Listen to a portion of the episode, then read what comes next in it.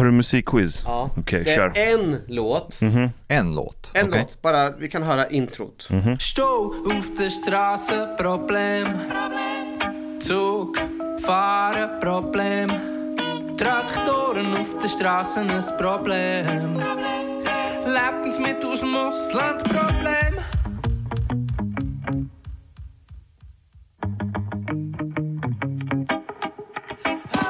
Vet. Sonnen im Himmel, ein Problem. Blätter im Garten, Problem. Är det holländska? Jag tror att de är från Schweiz. Aha. Okej. Men om ni får gissa. Ja. Hur, den var skitfet. Sounds, sounds very weedy. Exakt, visst låter det? Om ni får gissa, har de... Är, är det vita personer eller är det jamaicanska? Hej, jag vet vad det här är! Nu vet jag varför. Så avslöja ingenting. Okej. Är det vita eller jamaicanska personer? De har inte varit utsatta för kolonialism och rasism.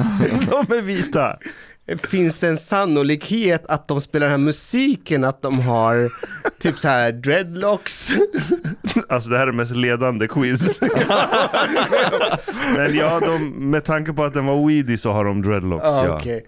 Så om du bestämmer för att gå på deras konsert och se de här vita människorna som spelar weedy musik med dreadlocks, Eh, är det någonting att bli liksom upprörd över eller vad, vad tänker ni? Finns det någonting att bli irriterad över hur de ser ut på scen?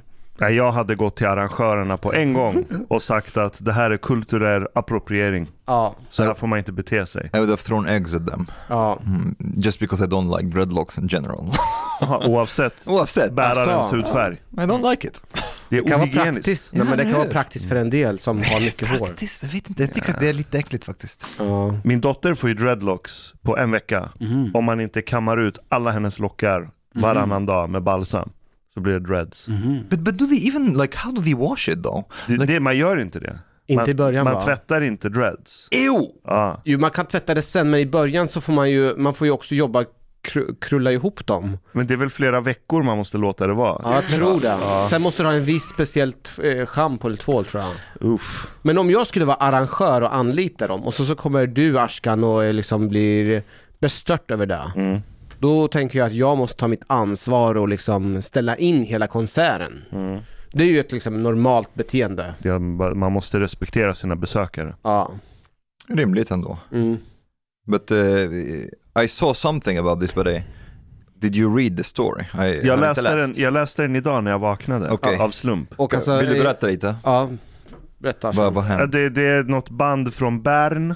Ja, Laurum heter de, Ja. Lauarm, eller Laurum. Ja. Mm. Och så är det någon festival någonstans i Schweiz. Om jag inte missminner mig. Eller Tyskland, Tyskland kanske. Ja, Var i Tyskland. Okej. Och sen går de upp på scen, börjar spela. Sen är det några besökare som blir väldigt kränkta och svarta människors vägnar. Jag gissar att de som blev kränkta är också vita. Definitivt. Och så blev de kränkta över att det är vita människor som har dreadlocks. Och de här människorna, de kommer inte från Jamaica. De har inte utsatts för rasism eller kolonialism.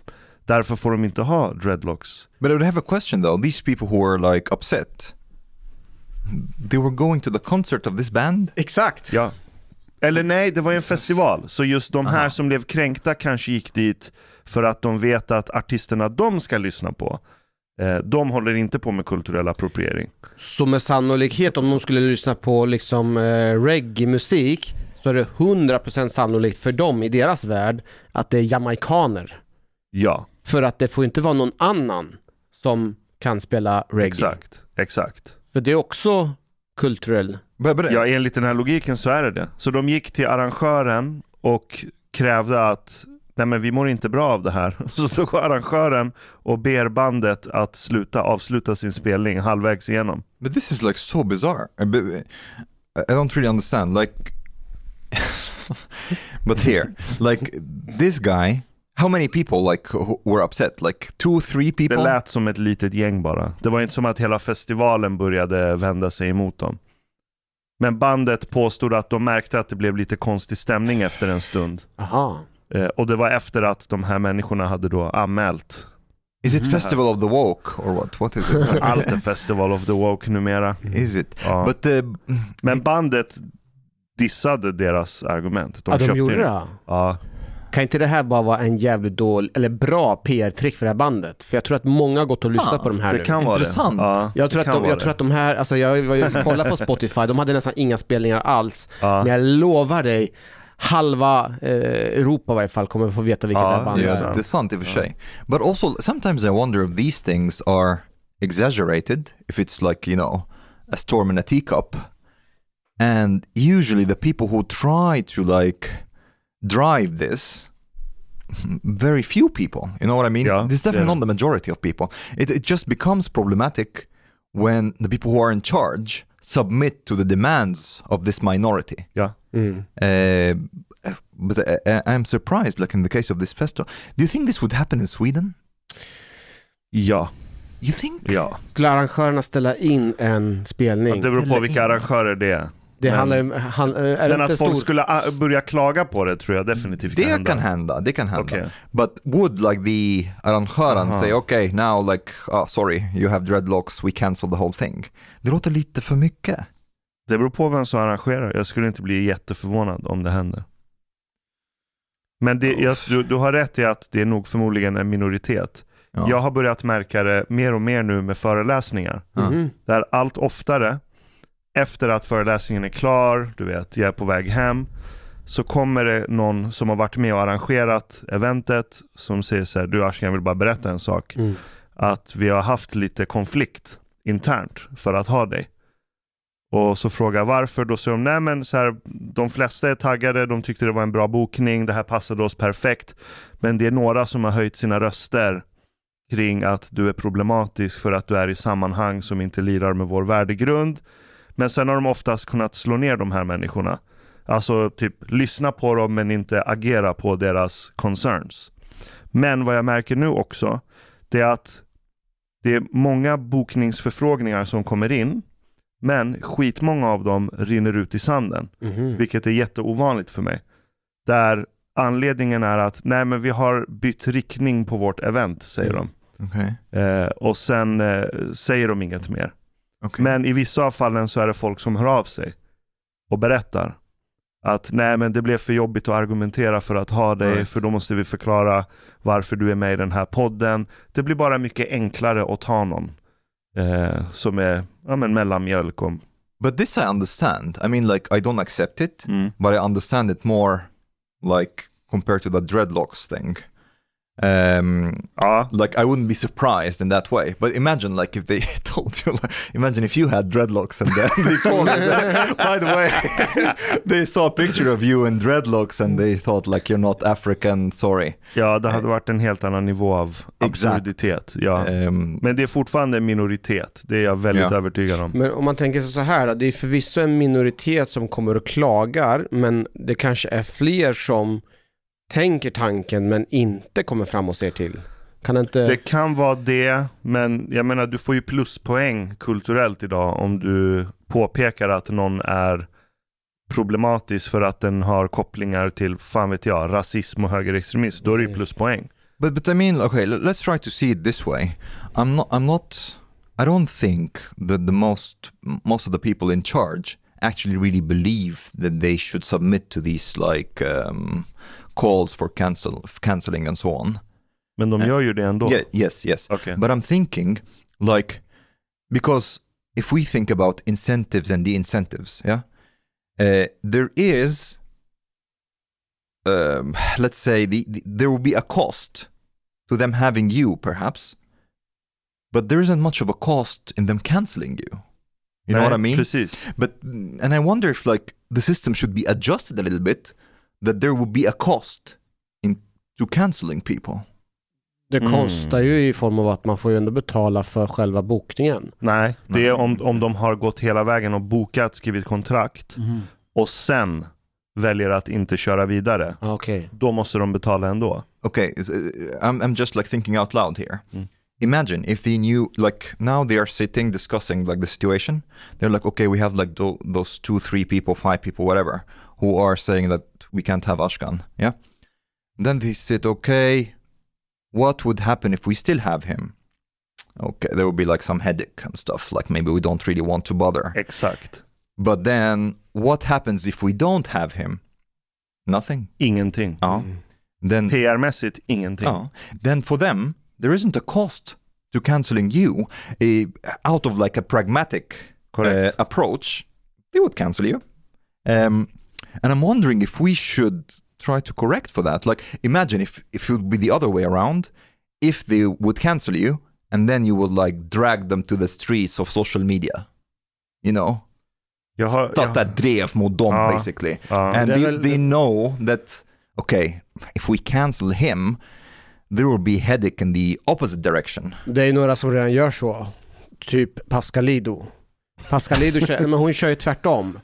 Eh, utan hon går ut hela tiden eh, och offerstämplar sig själv och säger ja du vet det är inte lätt att vara kvinna och vara svart och du vet man har politiskt, och jag är antirasist men ändå så väljer SVT att bo- boka in den här blonda tjejen eller den här. Aha. Hon gör ju det andra, tvärtom. Right. Och så vissa har ju liksom kommit på att man ska för att undvika huvudvärk så får de nästan anlita dem.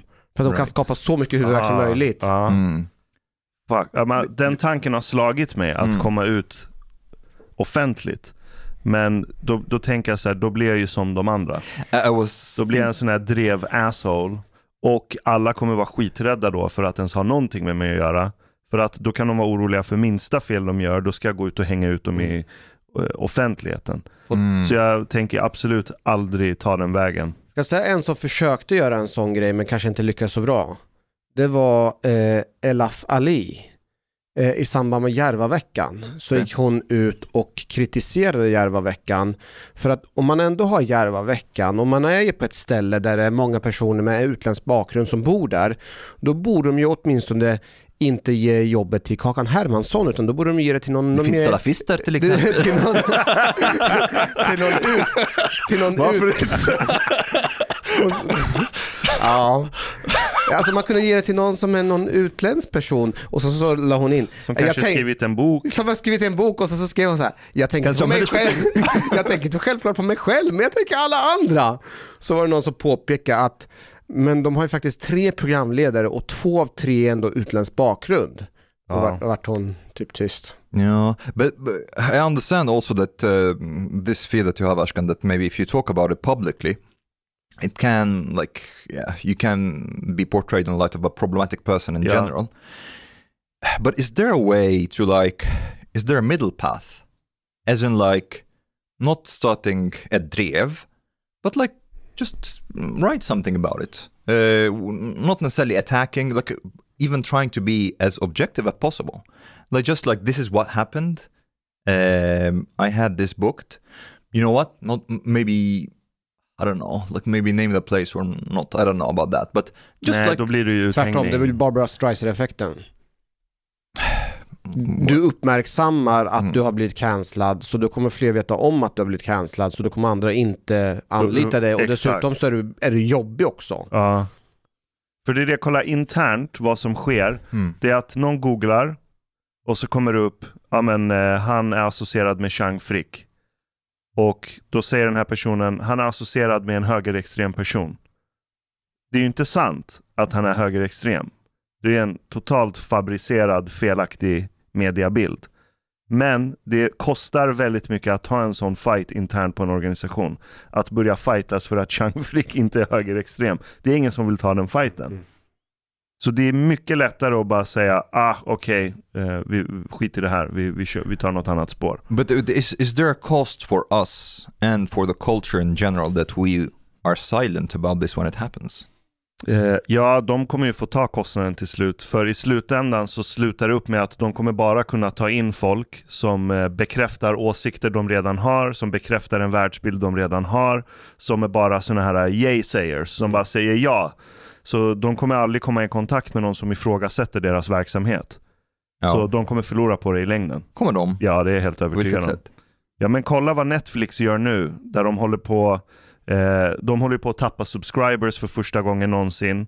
Eh, och de börjar slänga ut folk som är där som pushar för att skapa program som lyfter diversity och equity och såna här grejer. Det är ju de människorna som ryker först. Det är flera företag nu som håller på att rensa bort hela sin diversity staff. Mm. Och nu har till och med Harvard Business Review Just det.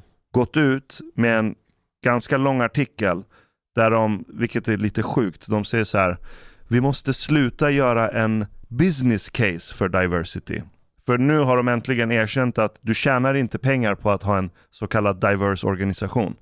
Det var totalt skitsnack. Till och med tvärtom, det kan vara till och med skadligt. Det kan till och med vara skadligt. För att du skapar en image hur en person med utländsk bakgrund ska se ut. Och då kanske inte den här personen som vill komma till ditt företag stämmer överens med den här imagen. Yes. Och om du har en för stor blandning av vitt skilda kulturer som ska vara i ett och samma team.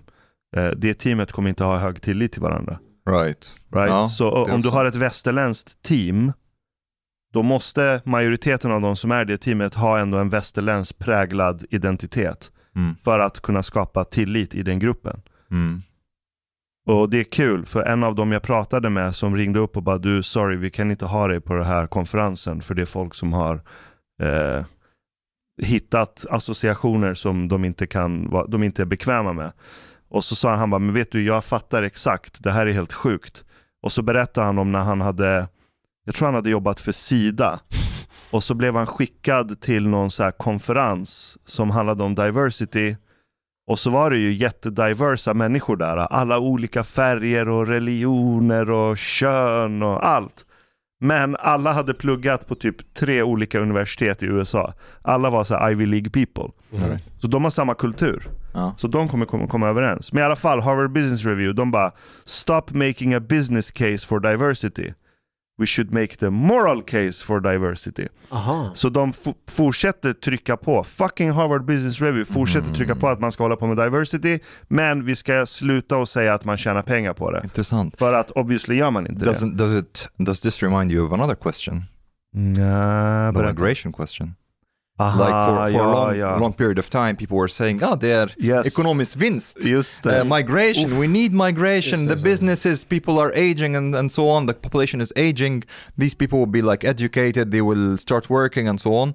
Uh, and they will do the jobs that we don't want to do. And there's like a lot of doctors, a lot of uh, I don't know what. And then in the end, well, okay, maybe not. But at the same time, it's morally it's morally right to take these people. Like, let's just focus on the moral question Eh, of asylum and migration and so on. It's a bit similar. Du har Men, rätt. men, men jag får inte ihop det för att kom inte den här studien som visar att till och med att det var, fick ju motsatt effekt när man håller på att jobba med diversity. Jo, det finns eh, studier som visar att du får exakt motsatt effekt. Så om det får en Det blir för mycket motsatt kulturell clash. Ja, så om man får en motsatt effekt och om jag förstod att, jag bara tänker mig själv att så, ja, men jag ska söka ett jobb och så, så ser jag typ en person som har utländsk bakgrund så här, hej och välkommen till oss för vi är för mångfald som har en bild på en iranier. och så säger jag så bara, jag tänker ju inte så här, åh, i det här företaget kommer jag känna mig mer hemma. Utan snarare kan jag känna så här, shit, har de en redan fast bild av vilka personer ska vara eller se ut i det här företaget? Det här företaget vill jag ju undvika. Right. Så på så sätt så tänker jag att det blir liksom att det får en negativ effekt av att skylta med att man jobbar för mångfald. Hänger du med? Det vill säga att man, man skapar ju en image, en identitet av vem den personen ska vara som ska söka dit.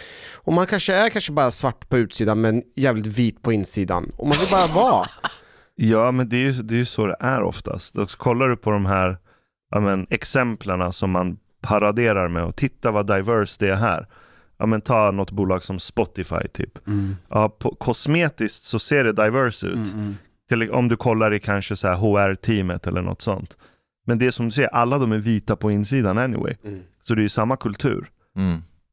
Så Ja. det, är, det är inte så jävla diverse. Nej, och, och, och av någon anledning, om det skulle vara blandning, då är det oftast svarta människor, men du är ju inte vilka svarta människor som helst, utan då är det oftast svarta som är från Västafrika. Ja, men det ser du ju på alla affischer för klädmärken. Ja, ja. De är jätte så kallade diverse, Ja. men exakt. Det är Ja. lite ljusare afrikaner oftast på dem också. Men här i Sverige är det mest somalier, eritreaner och så här, så det stämmer inte ens överens med den bilden av. Nej, det är så jävla Ja. billigt. Jag, jag kollade alla de här bolagen. Det är ofta stora bolag som gör sjukt mycket vinst, Stora brands, ja, men så Puma, Adidas. Det är stora fina märken. Eh, när alla de här skriver sina diversity-rapporter så börjar jag kolla så här, ja, men vad är det de hänvisar till när de säger att diversity är så jävla bra och att det är good for business. Och allting leder till en rapport som kommer från McKinsey. Mhm. Och i slutet på den rapporten så står det i typ fontstorlek 8 längst ner på sidan. Vi kan inte bevisa om det här bara är en korrelation eller om det är ett kausalt samband mellan diversity. Och jag tror att med lite sunt förnuft fattar man att det råkar bara vara skitstora bolag som gör fett mycket vinst som håller på med diversity. Mm. Helt enkelt för att de har råd med det. Mm. Det är bara en lyxgrej. Det är som Mm. att de piercar sin image och tatuerar sin image lite för att se lite coola ut. För de har råd med det. Det är därför bolag som tjänar fett mycket pengar håller på med diversity. Det är inte att diversity har gjort att de tjänar fett mycket pengar. Det är bara att de har råd med det. Och nu, inflation, lågkonjunktur, krig, Mm. logistikkedjor fuckas upp. Vad är det första som ryker? Diversity teams. Mm. Vi håller ju också på med mångfaldsarbete. Hos polisen. Ja, och jag är dessutom medlem i Eklöven. Föreningen Eklöven. Vad är det för något? Det låter som en naziorganisation. Föreningen Eklöven är ju den här polisens förening, ideell förening som poliserna själva har skapat. Det är Martin Lazar och sen så är det Amir Ostami bland annat i, i grunden som har varit med och skapat en förening där man ska jobba med mångfald för polisen. Mhm. Och jag tror vi har haft diskussion om det här förut, om det inte finns någonting positivt eller negativt ur den här sådana här föreningar. Okej. Men så här, hypotetiskt sett, jag jobbar ju i Rinkeby och kanske 95-98% som jobbar där är ju typ vita svenskar, vilket är inte är konstigt, alltså bland poliser. Ja. Och så föreställer du dig att du ska jobba som spanare och jobba undercover och du är svensk. Det går inte så bra. Nej. Du blir ju upptäckt med en gång. Ja. Alltså de som jobbar på spaningsenheten säger att det är väldigt, väldigt svårt att jobba i, i Rinkeby. För att det, de flesta är inte vita. Mm. Så här måste ju polisen jobba på annat sätt. De måste försöka få in väldigt, väldigt, väldigt många fler personer som ser likadana ut som alla andra i området. Hänger ni med? Ja. Och här måste man ju ändå på något sätt jobba för att få in folk. Och det är därför den här föreningen Eklöven finns, för att de ska jobba med mångfaldsfrågor. Så är det bara därför den här föreningen har startats? Inte bara därför. För att ha rätt hudfärg till spanare så att de kan smälta in? Inte bara det, men det är bara en grej. Du kan ju ha språket, du kan ha kulturell kompetens pratar vi om. Det kan vara så mycket mer. Okej. Men no- någonting säger mig att den här föreningen inte alls är grundad för att de ska lösa praktiska problem ute på fältet. För att du behöver inte en mångfaldsförening om polisen redan vet att okej, vi kan inte spana på vissa områden för att våra polisers identiteter blir röjda. Inte deras identitet, Inte utan identitet, alltså att man men ser att de kan inte, det blir ett ineffektivt polisiärt ja. arbete. Okay, but, but I, th- I think also, Lefrot, for, for the, Nej, kör. Huh? it's like also depends on what the objective is in a sense. So, is their objective uh, or the objective of this policy to be more inkluderande, to uh, motarbeta rasism och sånt, or some kind of like more pragmatic objective that we actually need people and this is why. Had we not needed people to do that, had we um, like then we we wouldn't have this policy. You know what I mean? Mm. Which one of them? Alltså, det, jag tror att i, polis, i, i polisens mångfaldsplan så står det att man ska jobba för att få in fler kvinnor men även fler andra personer med en annan bakgrund. Och för att, jag tror, om inte jag är helt ute och cyklar och att det är för att representera samhället som man verkar inom. Så att vara rättvist. Typ. Ja, typ lite så. Så det är fel. Var, varför är det rättvist att det är fler utländska personer i polisen? Jag tänker mig så här, om man tänker sig att det är, eh, om man har en pool med andelen personer som söker, så vet man att man har kanske typ 90% av eh, svenskar som söker, men eh, typ 10%, alltså vad är det? Vi har ungefär 30% av befolkningen som har utländsk bakgrund. Mm. Det kan man säga ungefär. Men om vi säger, ja, inte 10%, men låt säga att det är 2% av personer som har utländsk bakgrund söker sig till polisen för att de andra kanske inte ser sig själva som en del av organisationen för att de är en vit, eh, hetero-organisation med vita män och sådär. Så polisen vill jobba för sin image för att försöka få in fler som söker åtminstone. Vad är felet med det? Men i många kulturer anses det inte ens fint att vara polis. Jag Folks- vet men nu behöver vi för fan fler poliser och framförallt som jobbar i förorten med att lösa vårat problem. Ja men fortfarande om det är skitmånga kulturer där deras erfarenhet av polis, ta Iran till exempel, jag vet inte hur det är i Egypten, ser man upp till polisen? Är det någonting fint? Uh, depends on what you mean by fiend. Ja, men, eh, och- It's a, it's a it's a power and status because you, as a policeman, you basically have carte blanche to to basically do anything that you want. Okej, You are above the law. det är lite Gestapo. Ah, Okej. you're above the law. So it's like it's good in this sense. Men okej, om du går på en så här fest Ja. i Egypten, Ja. en hemmafest. Yes. Det är så här 50 pers där. Och så börjar alla snacka, hänga, det är vår ålder säger vi. Och så frågar de så här, ah, men Omar vad jobbar du med? Och så är du polis. Hur skulle folk bemöta det? Uh, oh, nice. Can I have your phone number so that when I'm in trouble, I can uh, you can get me out Okej, of it? ja men då är det fint att vara polis. Ja, på det sättet Det, ja. det kostar inte socialt att vara polis. Uh, unless you are you would you you be at the party of like some democracy activists or something. They would Ja men det är det jag tänker mig i huvudet. Ja. Om, om det är sköna människor. Yeah, but at the same time, the, the vast majority of people in Egypt are not democracy Nej activists. okej då. So they are just like, well, they want to. Men i persisk kultur, det är ju inget positivt Nej. whatsoever. Är det inte? Nej. Det är Men inte status och sånt, nej? nästan så att jag skulle Really? säga det, det är skam... Ska man, kan man säga att det är till och med skamligt? Det är Jag, skamligt. skäm, alltså jag fick ju skämmas för mina persiska vänner att jag hade sökt till polisen. De Really? undrar vad- hur jag kunde ens tänka tanken på Nej, nej, men vänta, vänta, vänta. Persiska vänner här i Här Sverige. i Sverige. Här i Aha. Sverige, ja, ja, ja. But nej, like... nej Um, vänta nu. Nej, tvärtom. Okej. Jaha. Jag, för mig, om du säger till en iranier i Sverige att så här, ah, men den här personen är polis. Då applåderar de det. Nu ja, men Ja. kanske inte för 15-20 år sedan. Nej, okej, Eller 15 kanske år inte. sedan. Men sen beror det på vilken krets av iranier också. Ja. Men i Iran, om du inte är regim lakej, alltså du gillar regimen. Då är det väldigt fult att vara polis. Det är ingen som vill ens vara i närheten av dig. För att, Polis förstår. eller pastor. ja, exakt. Du, du, den blir en fara för ditt liv. Om den märker vilka värderingar du har och du inte alls gillar staten och inte gillar teokrati. Right, då är det ju right. farligt att ha en polis runt omkring dig. Right. Okay. Yeah. yeah. Well, in Egypt, it's not it's not necessarily the same in this way. Uh, It depends in, in what kind of police. So we have like what's called Amnet Dawla, Mhm. which is like the Sapo of the Mhm. Egyptian police. Dawla, This- betyder det government? Uh, the country, Aha. uh, the Dolat. state security police, Aha. basically. They are the ones who deal with like political opinions and Oof. things of the sort. this, yeah, this would raise some eyebrows. Tänk om Omar egentligen är en undercover-polis här. uh, this would be problematic, yes. But like the usual police, uh, they, they wouldn't bother so much unless you're like really high profile activist or something like that. Then yes, maybe. Okej.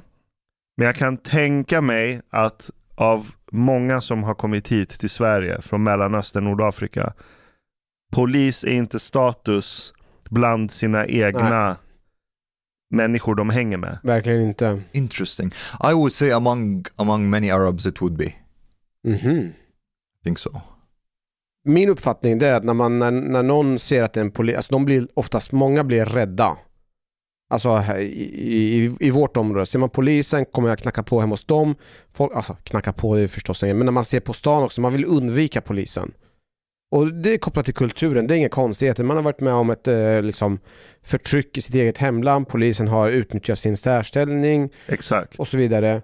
Men But, but uh, sorry, but but didn't Peter Esaiasson like uh, he his thesis was that it's the opposite that actually people in i, i orten De väldigt hög, vuxna, vuxna, de äldre. mm, ja, väldigt hög tillit till, till, till polisen.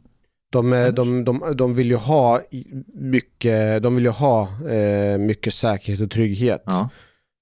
Men they trust, f- from what I understood that they trust the police. De äldre ja. Första generationen. Hmm. Det är ju inte de som söker till polisutbildningen. Det är ju för 50, No, no, I'm, 60, I'm talking about the 70-åringar. culture in general. Like, Yeah. uh, if like there's a culture, like people who come from the Middle East, for example, they are not hostile to Swedish police in, in general. I wouldn't say. Det beror på. Alltså om vi tittar på iranierna, eh, typ i, i, bland mina vänner, de som är iranier, som är vänster, från vänsterkretsar, de har ju inte så mycket att göra. De, de tycker om svensk polis, men innerst inne så tycker de ju inte om alltså de är emot liksom den här staten, rättsväsendet, att den har för mycket makt och så, Mm. på generella plan. Men min poäng är i alla fall, det vore inte konstigt om vissa kulturer har lägre andel sökande till Ja. polisen. Och än svenskar. Och så långt är med och bland annat om vi ser bland den somaliska communityn, där är ju inte så jättemånga som söker. Men då kan man ju jobba aktivt från eh, typ polisen för att försöka locka in och få fler att söka. Okay, well, Vad är all right. I, I Uh. can see I can see the point a little bit with that. If we take a, like a a bit of a question that is a bit analogous uh, when it comes to cultural differences, that a lot of people from the Middle East and, and similar countries they actually don't want to vote. Mm. Um, so you can say, well, yeah, this could be a democratic problem, and we want to have a campaign directed at people like from a certain background to like mm, tell them how important it is for them to vote and, and so on. Men de kommer ju bara rösta på salafistpartiet. Så det är, det är ett demokratiskt problem om de börjar rösta. det är sant i och för sig. Shit. Och det där är en het potatis som kommer vara skitsvårt att ta i. För det är så här, okej, på ett plan, ja, det är dåligt att skitmånga inte röstar. Men när de väl röstar, och de röstar in och det är salafistextremister. det demokrati står för. Och det är därför jag säger demokrati är fucked up. Demokrati funkar i länder med homogen kultur. Ja, Och i USA funkar det för att de har sitt jävla two party system. Det är omöjligt för ett tredje parti att komma in och få makt i det landet. constitution also. Ja, Ja. och att du måste vara registrerad medlem av ett parti för att kunna rösta. Det är sjukt många barriärer. I Sverige är det inga barriärer. Du behöver bara ett, vad är det, samordningsnummer. Eller? Nej, nej. jag- jag- Kommunvalen. Kommunvalen Ja, kan ja, du rösta, ja, ja. men inte riksdagsvalen. Nej okej, men du behöver ett medborgarskap. Och sen går du bara till vallokalen. That's Mm, it. Du mm. behöver inte vara medlem i partier. Mm. Det är noll byråkrati involverat. Jag var ju i Norrköping förra veckan för min eh, mormor gick bort. Hon blev 91 år. ehm, och Jag beklagar. ja, det, hon ville dö själv ett år innan. Hon till och med bad om att få dö och så, men Okej. det var ingen som kunde hjälpa henne. Eh, hur som helst, vi var på begravningen i förra veckan då. Och jag passade på att springa typ mellan dagarna där så passade jag på att springa ut i skogen, i Vrinnevi skogen. Och jag reagerade när jag kom till skogen för då såg jag en, en kvinna som hade slöja på sig och massa barn. Och för, först så tänkte jag så ah, men vad gulligt att en kvinna är här ute och plockar blåbär och ah, men de försöker integrera i svenska samhället och plocka blåbär med sina muslimska barn och sådär. Du är så godtrogen. vänta, vänta. Okej. Sen när jag sprang vidare så, så, så såg jag att ah, men där är en annan kille som hade lockigt hår, lite skägg. Han såg ut som värsta hippiekillen. Och så tänkte jag så här, ah, men det är väl typiskt. Det ska alltid vara de här fritidsledarna som är godtrogna och är öppen för alla och tar emot alla och sådär. Det är inte så konstigt att även när jag var yngre och gick på Bre- Brevik som var ett sommarläger, där var det också mycket så här hippierörelse och så. Jag tänkte, ah, det är väl bra att de här hippiemänniskorna ändå är positivt inställda till den här kvinnan med slöjan och allting. Men sen när jag sprang tillbaka och tittade på den här hippiekillen, då var det ingen hippiekille överhuvudtaget. Det var en salafist. Ungdomsledare. och jag var så ah, han till och med lurade mig. Ja. Så jag kom att tänka på just att den här, så här ungdomsledaren och jag kom på att det är ju, det börjar bli mer och mer vanligt att det är många ungdomsledare runt om i landet som råkar vara ju salafister. Jag vet inte ifall det är en tillfällighet eller ifall det finns en strategi. Vad Så tänk- vadå, det var en ungdomsverksamhet? Alltså, han, eh, det, var ju, det var ju liksom massor med barn och en kvinna i slöja och sen den här ungdomsledaren. Då. Så att det, var ju två, det, det var ju två vuxna och massa barn. Var inte det bara ett föräldrapar med Nej, det var, det var för många barn. Det var en Hur verksamhet. många var det? Kanske sex, sju, åtta barn. Maybe it's theirs. Det är inte för, må- det är inte för många. Fast, fast alla, alla råkar vara i typ någorlunda samma ålderskategori. Okej, så det ja, var inte okej. mamma, pappa, barn, vuxna All right. barn och så vidare. Okej. Vad tror du, alltså, finns, alltså, är det bara en slump att det råkar vara väldigt många ungdomsledare runt om i landet som råkar också vara salafister? Um, jag vet inte, det- this would be just speculation, but um, it's not also, it's not strange. It's the same thing in, in Muslim majority countries really. Uh, a lot of people who are active in like civil society, so to speak, are Salafis. Är det så? Ja. Va? Ja. Just i civil society? Yeah, it's a very, it's a very good position, uh, like to, to, uh, like, da, to Aha. uh, driva dawa. Uh, Konvertering? Missionering. Missionering. Missionering, Uh, it's very good, you know, to try to like, how to say, to um, preach to the young people and like make them not go, like stray away to the wrong path and, and so on. It's very, yeah, it's very common. Så salafister är islams mormoner? eh, Men det är väl inte bara mormonerna, alltså i historiskt sett, eh, kristna har ju, alltså vi, kristna har väl åkt runt i Afrika och missionerat. Ja. yeah. Så, Um, sure, but here there isn't like a lot of like Christian fundamentalists who want to get involved in society. At least not here in, in Sweden. Nej. Uh, to like för att missionera, mm. to, to convert people to like Christian fundamentalism. I wouldn't say so, but um, to like if we take this to our conversation that we had before about the lära med slöja. Jaha, förskoleläraren? Ja, Eller skola. okej. Ja. Um, and you Ashkan didn't think that it's problematic. Would you say that it's as icke-problematiskt att ha en salafist på en fritidsgård? Like if, let's say if you had a child uh, who would go to a fritidsgård and then you're like, huh, there's like the guy in charge, he's a salafist. Would you be like, huh, maybe not that fritidsgård? Eller let them be exposed to salafism and see what happens kind of. Jag skulle inte låta mitt barn spendera sin tid på en anstalt där det finns salafister som har en statusposition i den anstalten. Nej. Varför inte? För Compared att, to the teacher. ja, men för att salafister är väldigt duktiga på att kommunicera ut islam på ett mjukt, omhändertagande, trygghetsskapande sätt. Som gör att just barn är väldigt känsliga för att dras till sådana idéer och teorier. Mm. Men, om den här salaf- Speciellt i tonåren. men om den här salafisten råkar vara liksom ortens hjälte flera år i rad. Det spelar ingen roll. Om han har röstats fram av området att vara en jättegod förebild och han har jobbat aktivt på fronten mot gängkriminalitet. Jag har eh, lagt mina reservationer för demokrati. bara, för, bara, det, det är bara för att han har röstats fram av orten. Det är inget kvitto på någonting.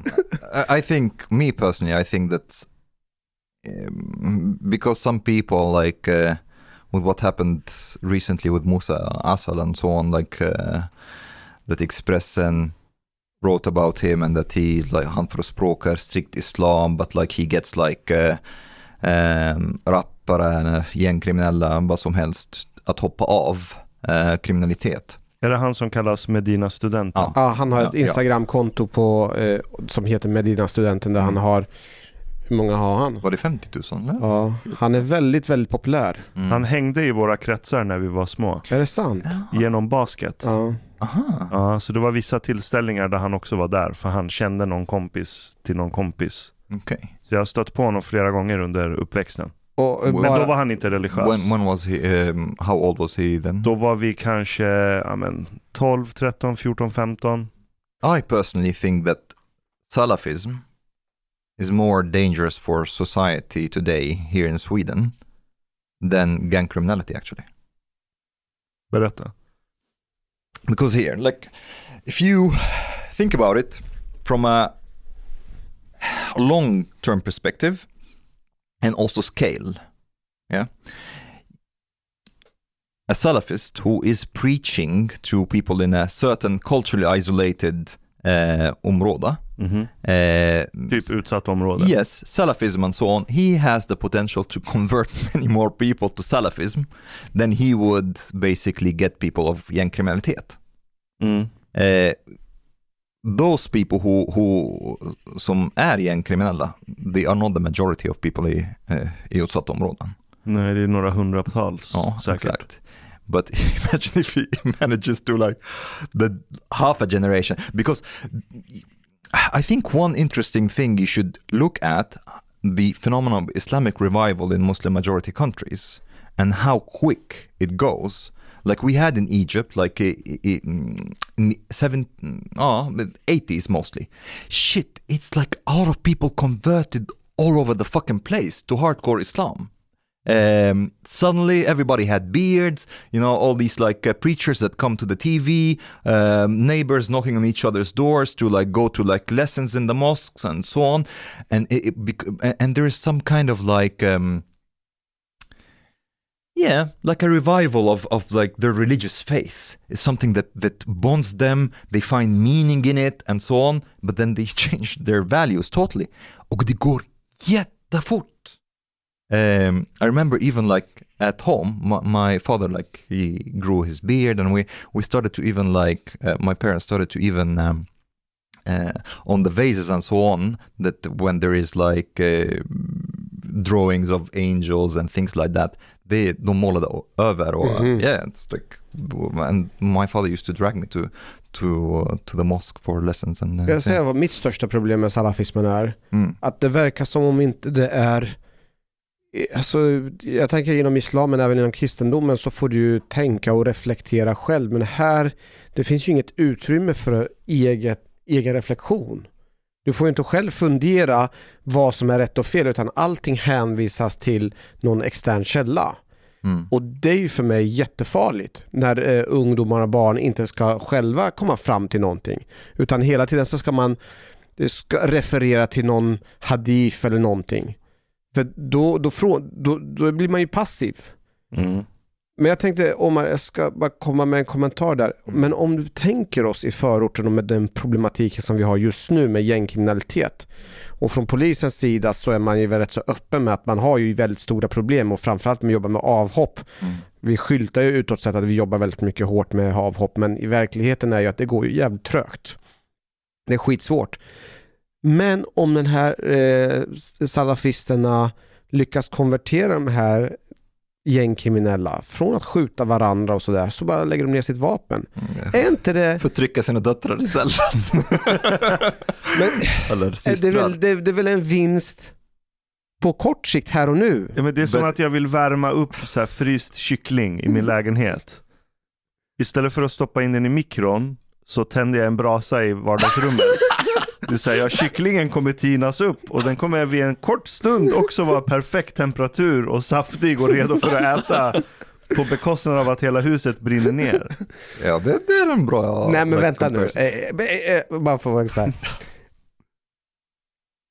Kommer de här personerna som har konverterat i ung ålder vara lika extrema i sin religiösa tro efter 10-15 år eller kommer de kunna bli nyanserade i sin, sina idéer? That's like that's speculation, but like what what what you are doing right now is ba- basically trying to cement and reproduce these values. Mm, ja, and den this is ja. like the thing that I'm like most afraid of Ja. because uh, what I want is basically to shut down migration and to try as much as possible to assimilate the people who are here into like majority societies like value system. This is, and I think this is possible, but at the same time, if we don't give space to people who are trying to to take uh, to go in in the opposite direction. And do you remember Elas Khalifa's story?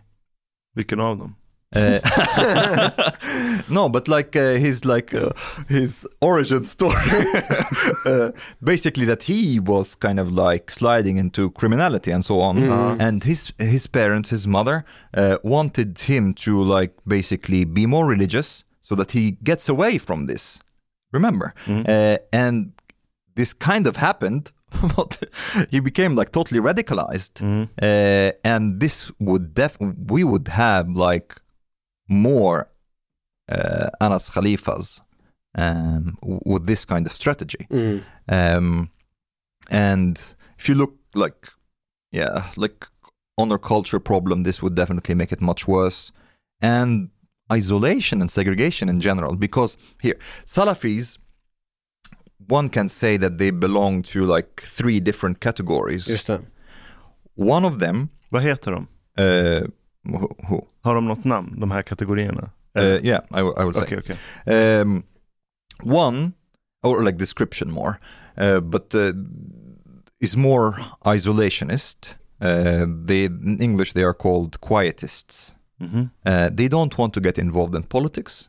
They want basically to um, practice their religion and their values and so on, and like mm, purely without intervention from from like uh, people who who don't believe in, in in Islam or Salafism and so on.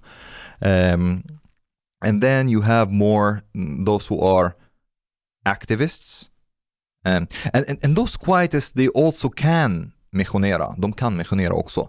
But then you have like, but they don't get involved in politics. They don't try to like uh, utmana staten and, and so on. De vill ju liksom separera sig själv Ah, och ah, ta a sig, little dra sig bit like undan. that. A little bit like that. Men hur ställer de sig till att jobba till exempel? Gå till jobbet? Ja. Inga problem? Nej. Okej. Men man, man jobbar inte- inte men man gärna, kanske. eh, gärna inte har så mycket med samhället att göra utan man jobbar för att kunna försörja sig själv för att det är ett nödvändigt ont. Egentligen så skulle man vilja vara för sig själv helt och hållet men man måste jobba för att det är nödvändigt ont. Yeah, but you have like things like uh, they would rather have like gender segregation. Får kvinnorna jobba? Um, it depends actually. Some of them think yes, and some of them think no. Uh, there e- so even in Salafism, there's like a different degrees of like extremism to some sense. Okej. Um, Men om vi håller oss till isolationisterna, Yes. the quietists. yes. Inom den gruppen så finns det några som säger att kvinnor får jobba, vissa får inte jobba. Uh, to some extent, yes, but then they would like those who, who would say that that women.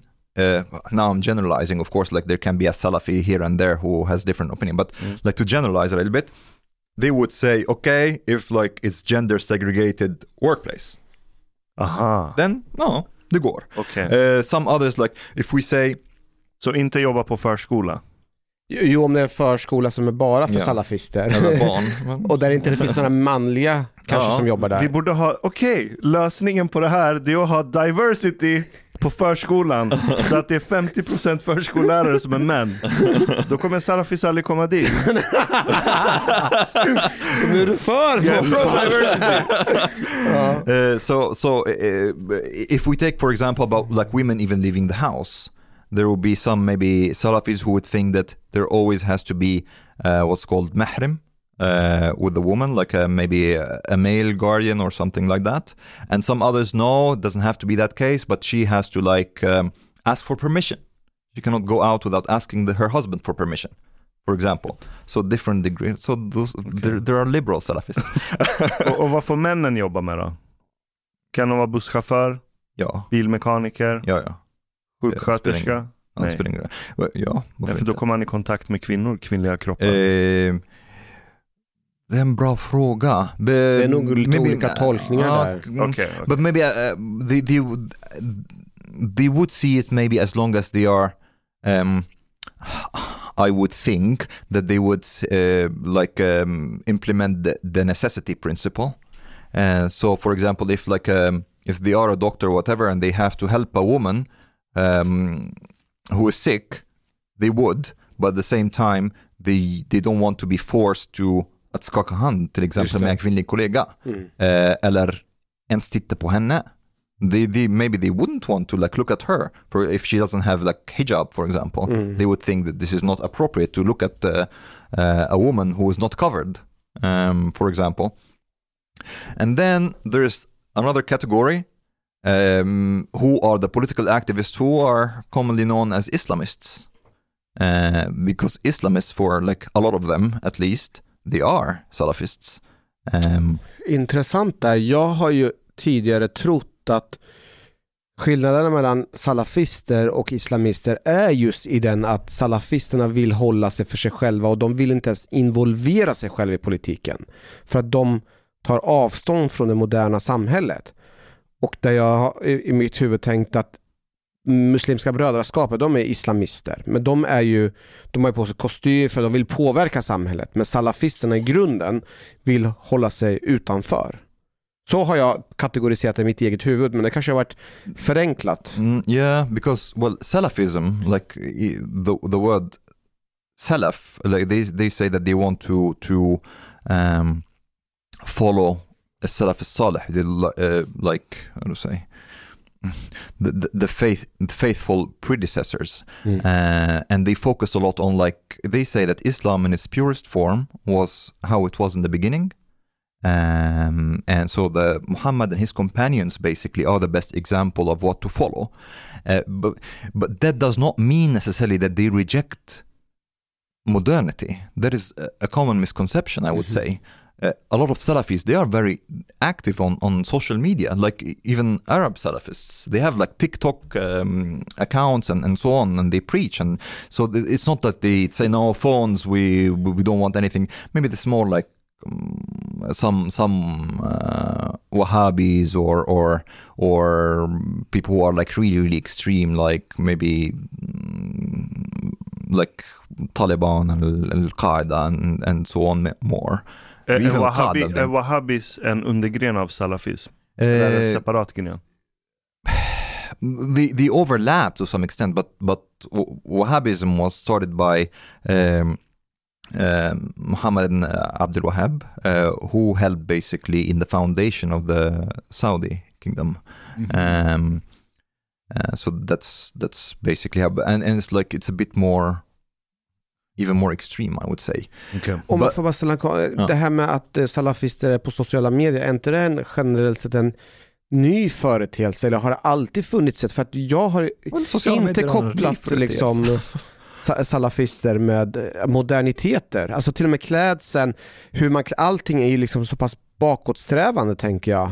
Så att det blir sån paradoxalt But där. th- this is this is also what's interesting because they Salafis they have like what's called ijtihad.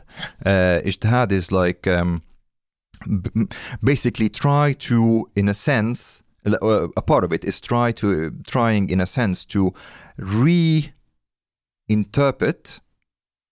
uh, or or like no apply the interpretation of this pure Islam on in our modern world. So, for example, common questions would be: Is using the phone haram or Just not? Mm. For example, this is this is these questions would Salafis they engage in. Så det är lite what would Muhammad say? Mm. Ja, man hade levt yeah, idag. Exakt, but there's a very good way to see it. Yes, yes. de- What de- would Muhammad and his companions do in today's world? Basically, yes. Och de har ju en sida eh, som heter islam.nu. Där finns ju bland annat Musa Sal men också Dr. Abdullah Sueidi finns där och andra personer. Heter han do, Dr. Abdul Al-Suedi?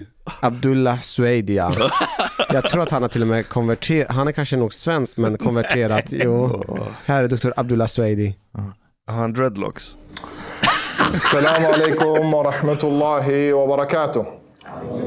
بسم الله الرحمن الرحيم والصلاة والسلام على أشرف الأنبياء والمرسلين نبينا محمد وعلى آله وصحبه أجمعين ما بعد. الله أكبر. حياكم الله على من آلة برادر وسسترر وعلى صم آه، نار وارر وكم آه، لسنا في فرامتيدن إن شاء الله. أنا برا سوانسكا تاكر الله سبحانه وتعالى في هذه الأطولية قوبا أتوي كان كما هيت وسامناس في أتوى الله سبحانه وتعالى سهوست. För att studera om Allah azza wa jals religion och mer specifikt att man studerar om eh, att Koranen är Allah azza wa jals uppenbarelse. I den förra Vi hör ju själva. So, uh, so a lot of Islamists, I would say, even most of them, they wouldn't have a problem with like describing themselves as Salafists.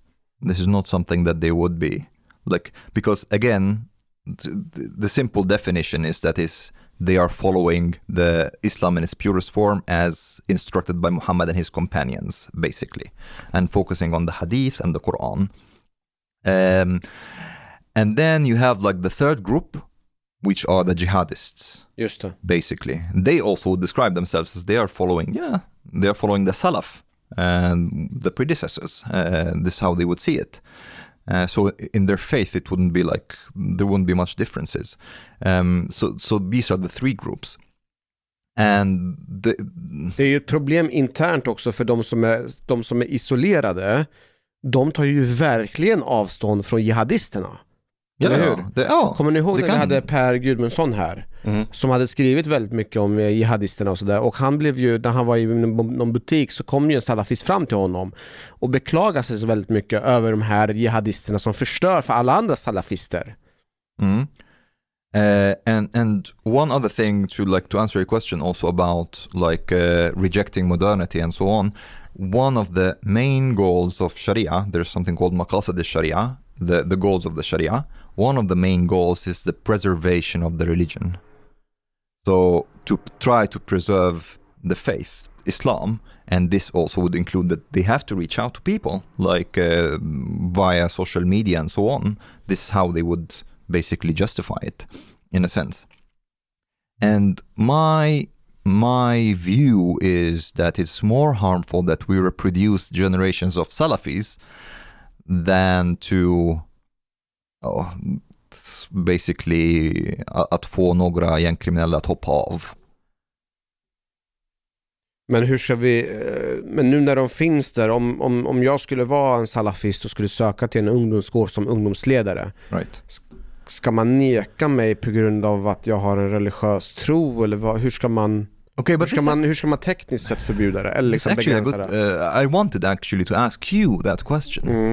uh, if a hardcore Salafist would apply to the police uh, and he says, well, jag tror inte på uh, jämställdhet, jag tycker homosexualitet är en synd and so on, but you know what, I will do my job perfectly. Nej, det ska Eh, inte gå.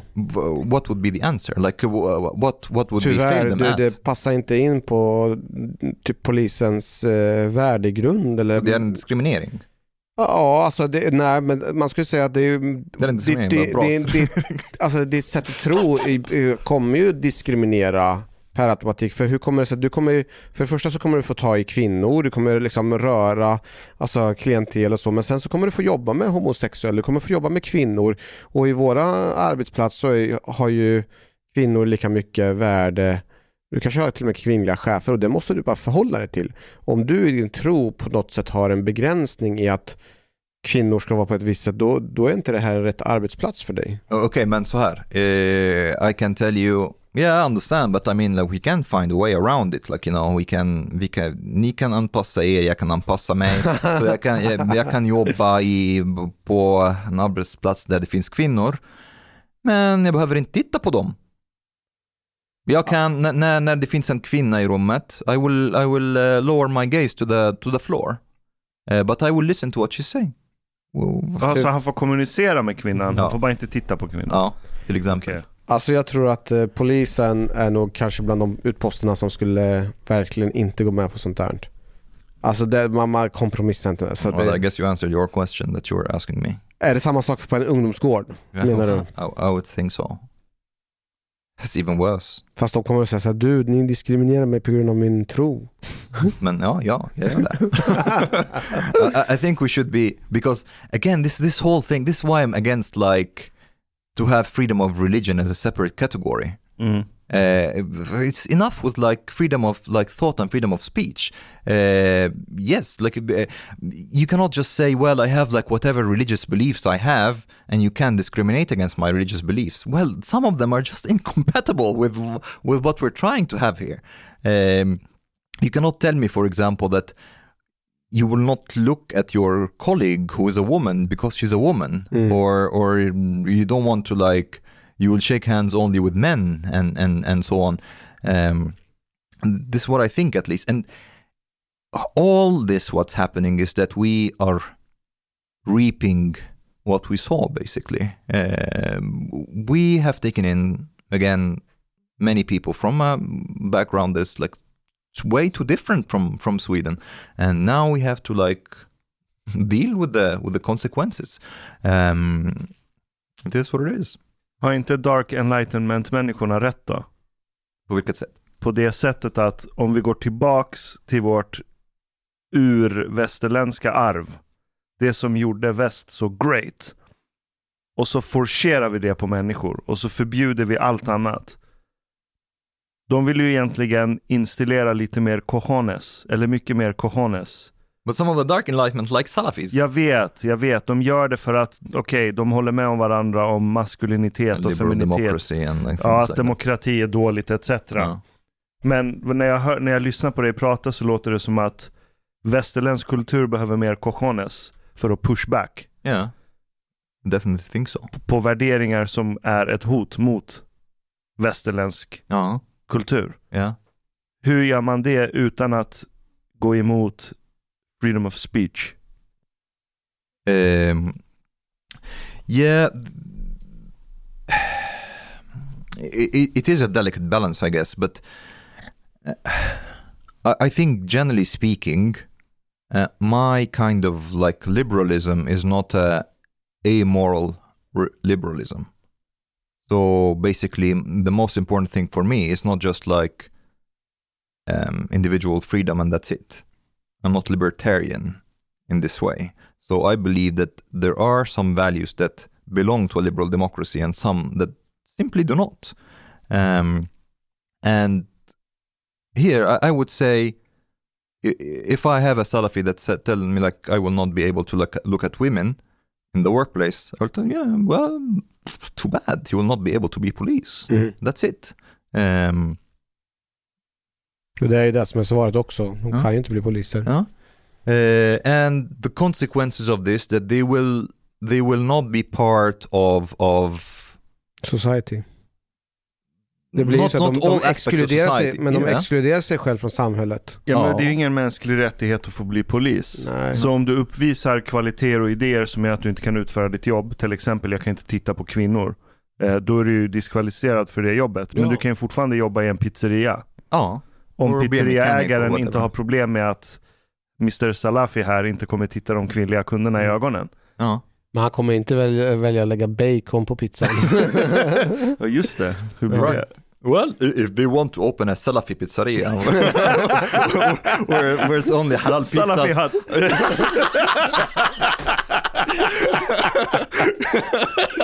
Uh, so I, I don't have like I wouldn't like it, but Okej. Du har lyssnat så här långt. På sista måltid. En mycket fin radioprogram i Sverige. Du tycker det är mycket trevligt. Men, min vän, lyssna på mig nu. Du har inte betalat biljett på klubb moltit. måltid. De har dom grabbarna de behöver pengar. Flis. Lax. Stolar. Dirabilar. Lyxhotel. Du vet. Då måste du betala om du ska lyssna mer. Du får många fler avsnitt också. Paket erbjudande, helt enkelt. Läs i beskrivning för avsnitt, där det finns information för att bli medlem på klubbista måltid. Det kostar som en mycket liten kaffe latte ute på torget. Per månad. Lätt som en plätt. Tak, min vän.